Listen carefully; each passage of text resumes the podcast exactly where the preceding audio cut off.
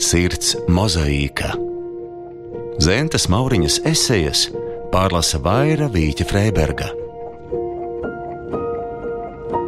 Draudzība.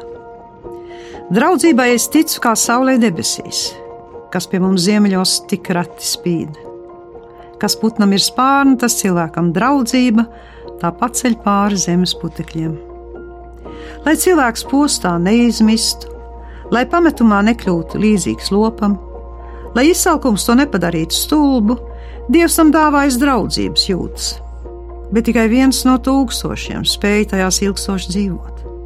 Lielākajai daļai draudzība ir svētdiena, kas aizņem tikai vienu septīto daļu no dzīves. Daudziem draudzība ir vasaras svētki vai lieldienas. Tās nosvin un aizmirst, bet visbiežāk gadās pagāni, kas draudzības svētku nemaz nepazīst. Skaists ir katrs draudzības akords, bet laimīgs ir ceļnieks, ko draudzības simfonija pavada pāri visiem dzīves dumbrājiem, pāri slimībai, nabadzībai, pamestībai, līdz nāves valsts vārtiem. Bet cik rats ziemeļos ir pilnīgi bezmākoņainas dienas, tik rats ir arī draugs, kas tev pavada dzīves ceļojumā no rīta līdz vēlam vakaram. Draudzība ir dārgakmens bet uzticība, zelta ietvars, bez kura dimants viegli pazūd dzīves raktuvē.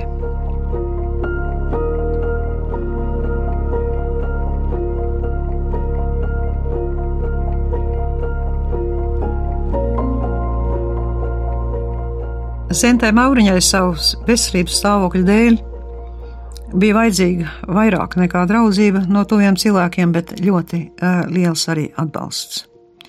Un viņa, viņai laimējās, viņa to arī saņēma dažādos dzīves posmos, it sevišķi Zviedrijas un Vācijas beigu posmā, kad viņai Zviedrijā bija sekretāra, kas uzticīgi vēl turpināja savos atvaļinājumos braukt uz Vāciju un pārrakstīt viņas manuskriptus.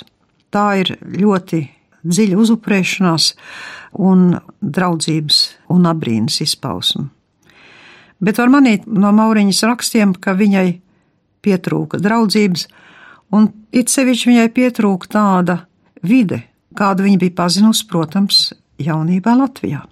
Dzīvojot lielpilsētā, nu, priekš Latvijas viņa ir liela pilsēta, tā tad Rīgā, mm, pasaules mērogā viņa nebūtu, bet, nu, teiksim, galvaspilsētā, kur tiešām rit ļoti bagāta kultūras dzīve un ir tātad pieejama un sastopama dažādu jomu mākslinieki, Tur viņai varēja uzskatīt par draugiem daudzus zvejniekus, kurus viņa apbrīnoja un kas, savuprāt, viņas esejas. Jo, kā zināms, varētu uzskatīt Mauriņu kā esejas žanra, vispār ievedēja radītāja latviešu literatūrā.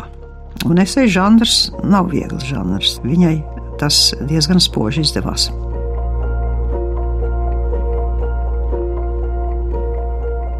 Zentes Mauriņas esejas pārlasa Vaira Vīķa Freiberga.